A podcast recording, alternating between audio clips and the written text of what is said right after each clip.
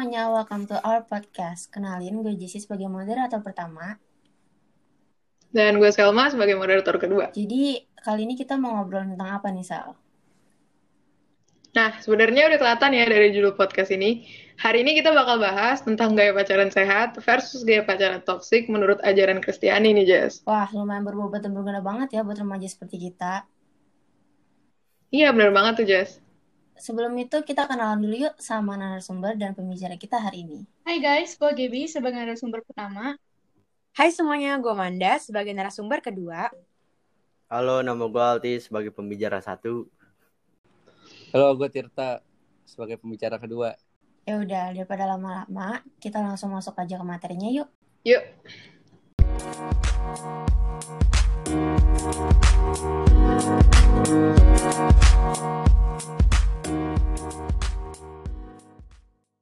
Halo semuanya, selamat datang di segmen 1, yaitu Gaya Pacaran yang Sehat. Narasumber kita untuk segmen ini adalah Gaby. Halo Gaby. Hai Jess. Oke, kita langsung tanyain aja nih pertanyaan pertama. Kalau menurut lo, gaya pacaran yang sehat itu kayak gimana sih, Gap? Kalau menurut gue, gaya pacaran saat itu pacaran yang saling menghargai, saling mendukung, dan saling memberi pengaruh positif ke pasangan masing-masing. Oh iya bener banget tuh, saling mendukung, saling menghargai, dan kepercayaan itu sangat dibutuhkan dalam setiap hubungan. Oke, next question ya.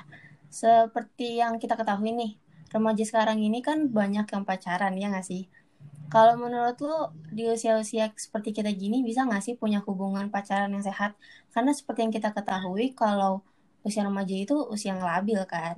Kalau menurut gue sih bisa-bisa aja ya, karena orang-orang yang lebih dewasa dari kita pun nggak semuanya punya gaya pacaran yang sehat. Jadi kalau menurut gue, gaya pacaran yang sehat itu atau nggak sehat pun tergantung sama orang yang ngejalaninnya. Walaupun usia sumber kita tuh masih remaja labil gitu, tapi walau kalau kita udah punya komitmen untuk berpacaran secara sehat, kita pasti bisa punya gaya pacaran yang sehat.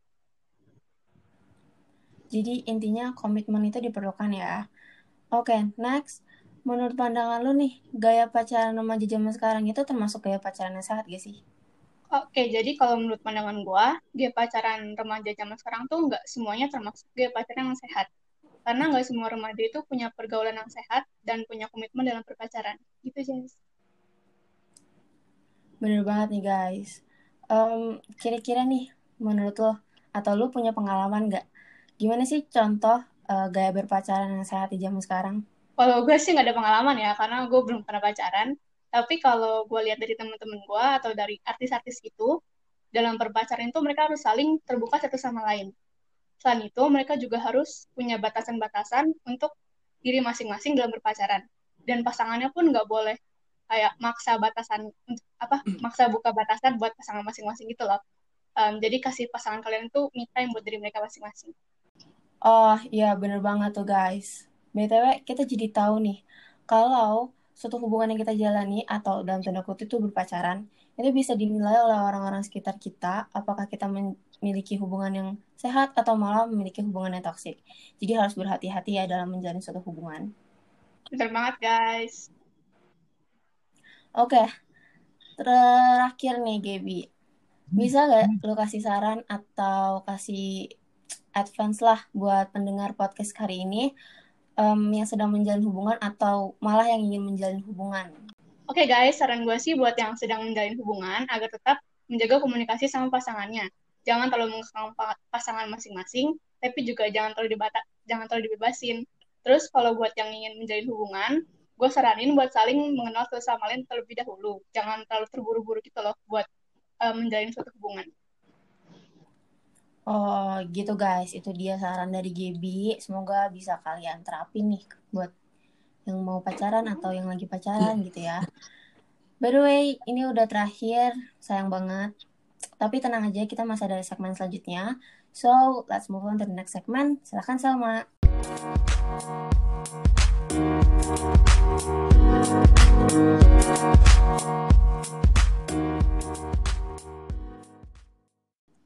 Oke, jadi di segmen ini kita bakal ngomongin tentang toxic relationship nih guys. Oke, jadi sebenarnya kan banyak banget ya sekarang yang ngomongin toxic relationship. Jadi toxic relationship itu sebenarnya tuh keadaan di mana hubungan itu tuh udah gak sehat atau udah gak kondisif lagi. Kalau udah ngomongin toxic relationship, ada tuh istilah red flags. Kira-kira apa tuh red flags red flags yang gampang terlihat dalam sebuah hubungan gitu? Nah, kebetulan banget nih, gue baru aja baca postingan di Instagram tentang tanda-tanda kalau kita ada di hubungan yang toxic. Jadi menurut postingan yang gue baca, ada empat tanda jelas yang ditunjukin nih. Yang pertama itu main tangan. Kalau di hubungan itu udah main tangan, itu udah harus aware banget gak sih? Soalnya kan bisa disebut physical abuse ya kalau gitu.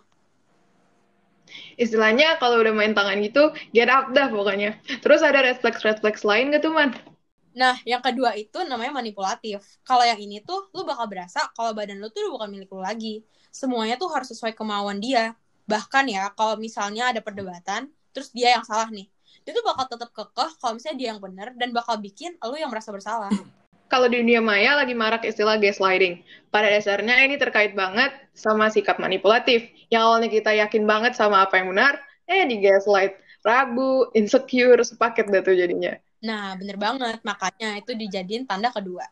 Oke, lanjut ya. Tanda ketiga itu bentar-bentar minta putus. Kalau yang ini nih, kayak tuh enteng buat buat minta putus atau ngakhirin sesuatu yang sebenarnya tuh harus dipikirin mateng gak sih? Kalau berantem dikit tuh langsung, ah udah kita putus aja lah, kita nggak cocok gitu. Kayak udah gak niat jalanin hubungan gitu.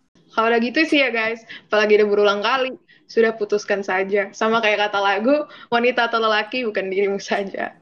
Bener banget, Sel. Nah, lanjut ya ke tanda yang terakhir, yaitu silent treatment.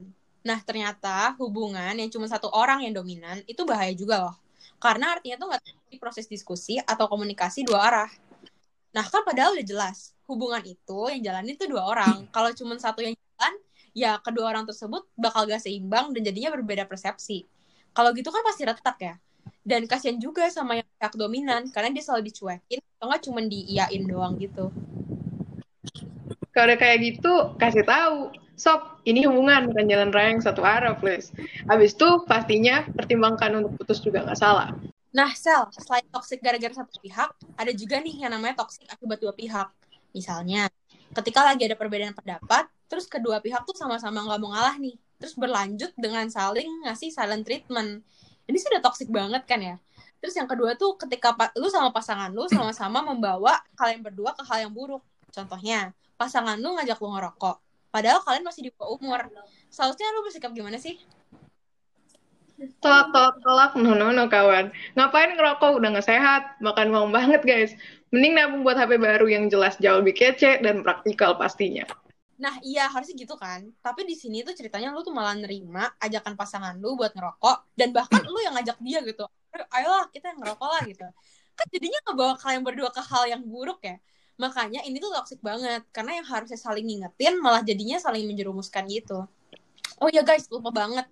Ada satu tanda yang paling esensial dalam menentukan lo itu ada di toxic relationship atau enggak, yaitu selingkuh. Kalau pasangan lu udah ketahuan selingkuh, udah langsung cut aja. Karena udah sayang dan komitmen sama lu, dia dengan alasan lu tuh gak boleh selingkuh. Dan apa ya, kayak kalau misalnya udah komitmen pasti gak mau juga dong. Nah, kayaknya sih itu aja tanda-tanda yang paling jelas kalau kita tuh ada di toxic relationship. Nah, misalnya nih kita udah sadar kita punya hubungan yang toxic. Gimana nih kira-kira caranya kita menyelamatkan diri kita masing-masing dari toxic relationship? Hmm, pokoknya sih kalau udah tahu ya hubungan itu toxic, udah langsung diakhirin aja. Jangan nunda-nunda. Apalagi mengharap kalau dia tuh bakal berubah, itu cuman bakal memperpanjang sakit hati kalian doang. Um, apalagi eh, kita udah ngingetin, eh lu salah di sini nih, um, kayaknya ini kurang ini deh kurang baik gitu. Tapi mereka nggak peduli gitu, kayak masih aja dilanjutin kayak gitu. Udah, mendingan udah langsung putusin aja karena nggak bakal mungkin dia bakal berubah. Karena berubah itu harus dari kesadaran diri sendiri. Man, man, ngomong itu sih mana ada orang yang masih terjebak dalam toxic relationship. Banyak kasusnya tuh, udah putus tapi masih di stalk di sosmed, masih dikejar-kejar, bahkan membahayakan pasangannya dengan berbagai macam alasan. Kalau udah kayak gini kan serem banget ya kan? Gimana tuh man kalau udah kayak gini? Nah, ini yang paling ditakutin tuh Sel. Udah minta putus nih sama pasangannya toxic, eh tapi nggak dilepasin sama dia. Udah gitu di stok lagi diikutin. Nah, ini tuh biasanya yang lakuin kayak gini tuh yang tanda kedua tadi, yang manipulatif. Kalau udah di kondisi kayak gini, lu harus bisa cut off semua hubungan dia.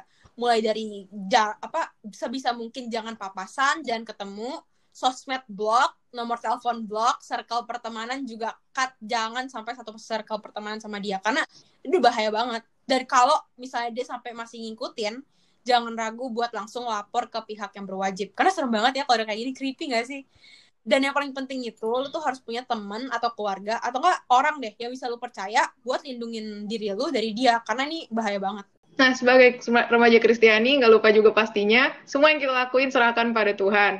Selalu berdoa, berdoa, dan berdoa, biar Tuhan yang kasih jalan keluarnya.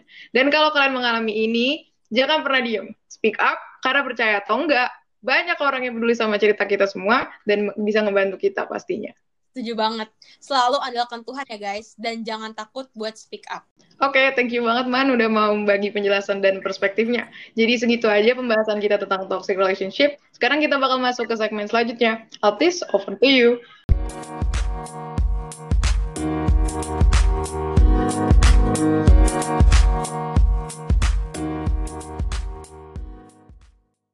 Oke, Sel. Nah, jadi segmen kali ini membahas tentang gaya pacaran sehat menurut ajaran Kristen. Oke, dalam ajaran agama Kristen sebenarnya sih banyak banget ya ayat-ayat yang membahas tentang pacaran. Menurut lu, ayat apa yang cocok dengan materi yang kita bahas? Nah, jadi menurut gua ayat yang cocok itu 1 Korintus 13 ayat 4. Isinya kasih itu sabar, kasih itu murah hati, ia tidak cemburu. Ia tidak megah-megahkan diri dan tidak sombong. Kira-kira nih, dari diri lu sendiri, Tis, lu tuh setuju gak sih sama ayat ini? Gue sih setuju dengan ayat ini karena kalau pacaran itu kita nggak boleh cemburuan. Misalnya cewek lu jalan sama temen gerejanya atau cewek lu ikut kerja kelompok sama temen-temennya dan kondisinya ada cowok nih. Kalau emang niat cewek lu baik dan emang beneran butuh, menurut gue sih nggak pantas buat cemburu ya. Kecuali dia jalan diam-diam sama cowok dan emang nggak ada kepentingan atau iseng doang gitu. Nah, itu lu baru boleh cemburu. Nah, sesuai banget kan sama ayat Alkitab yang tadi di kalimat yang kedua disebutkan kalau ia tidak megah-megahkan diri dan tidak sombong. Itu kan artinya mengedepankan kepentingan orang lain terlebih dahulu. Jadi, kalau misalkan kita memikirkan kondisi cewek kita dibandingkan ego dan kemauan kita, uh, pasti kita bisa meredam rasa cemburu kita dong. Nah, menurut tuh apalagi sih ayat Alkitab yang berkaitan tentang ajaran agama Kristen? Ada Nita dari kejadian 2 ayat 18. Tuhan Allah berfirman, tidak baik kalau manusia itu seorang diri saja. Aku akan menjadikan penolong baginya yang sepadan dengan dia. Nah, lu bisa tebak gak tak arti dari ayat Alkitab ini? J, masa gue mulu sih? Lu lah ngejelasin sekali-sekali. Oke oke, jadi kata yang mau kita garis bawahi adalah kata sepadan. Maksudnya, Tuhan nyiptakan laki-laki dan perempuan sepadan. Jadi nggak ada tuh kalau cewek harus selalu nurut sama cowok dan nggak ada lagi tuh yang bilang kalau kasta cewek lebih rendah daripada cowok. Semuanya memiliki hak yang sama dan ber berekspresi dan berpendapat. Maka dari itu dalam gaya pacaran yang sehat menurut ajaran Kristiani perempuan dan laki-laki memiliki kedudukan yang sama, tidak ada yang lebih tinggi atau rendah. Bener banget tuh Tis. Nah, gua ada ayat lagi nih dari kejadian 29 ayat 20 yang berbunyi, jadi bekerjalah Yakub tujuh tahun lamanya untuk mendapat Rahel itu. Tetapi yang tujuh tahun itu dianggap seperti hanya beberapa hari saja karena cintanya kepada Rahel. Hmm, rasanya nggak afdol nggak sih kita ngomongin Yakub dan Rahel kalau nggak ada perspektif dari ceweknya? Mungkin dari Jesse atau Gaby ada pendapat nggak? Jangan gue deh, mending kita nanya narasumber aja deh. Gaby boleh? Oke deh, jadi menurut gue nih kayaknya Yakob setia banget ya sama Rahel. Hebat banget loh, nunggu tujuh tahun demi seorang pujaan hatinya. Nah iya yang Gaby bilang itu udah bener banget tuh. Ayat ini membahas tentang kesetiaan. Jadi menurut ajaran Kristiani, salah satu kunci pacaran yang saat itu adalah kesetiaan yang tulus. Kalau nggak ada kesetiaan yang tulus, pasti hubungan lu jadi nggak jujur dan berpotensi adanya orang ketiga. Ngomong-ngomong nih, ada ayat tentang pacaran lagi nggak, Sitis? Ada nih, tak Amos 3 ayat 3 yang bunyinya berjalankah dua orang bersama-samanya jika mereka belum berjanji. Maksudnya itu dalam sebuah hubungan harus ada komitmen dan harus ada bisa menepati komitmennya. Itu Kalau udah berkomitmen sama satu orang, maka lu harus selalu berusaha buat menepati itu. Gak boleh tiba-tiba menghilang tanpa alasan ataupun putusin secara sepihak. Itu aja sih tak. Wah gila sih bener banget ya Komitmen itu emang paling esensial dalam sebuah hubungan Kayaknya hmm, kita udah cukup gak sih pembahasan tentang pacaran menurut ajaran Kristiani? Ya, kayaknya ayat-ayat yang kita kasih barusan udah cukup ya buat jadi bekal kita semuanya.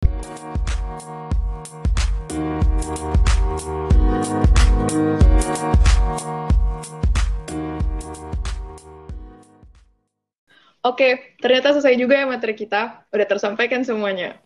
Ya nih Sal, semoga dengan adanya podcast kita kali ini, kalian semua baik yang lagi dalam hubungan maupun yang masih single, bisa mengaplikasikan hal-hal penting yang kita sampaikan hari ini. Terima kasih buat yang udah dengerin materi kita hari ini. God bless us all. Bye semua. Bye. Bye.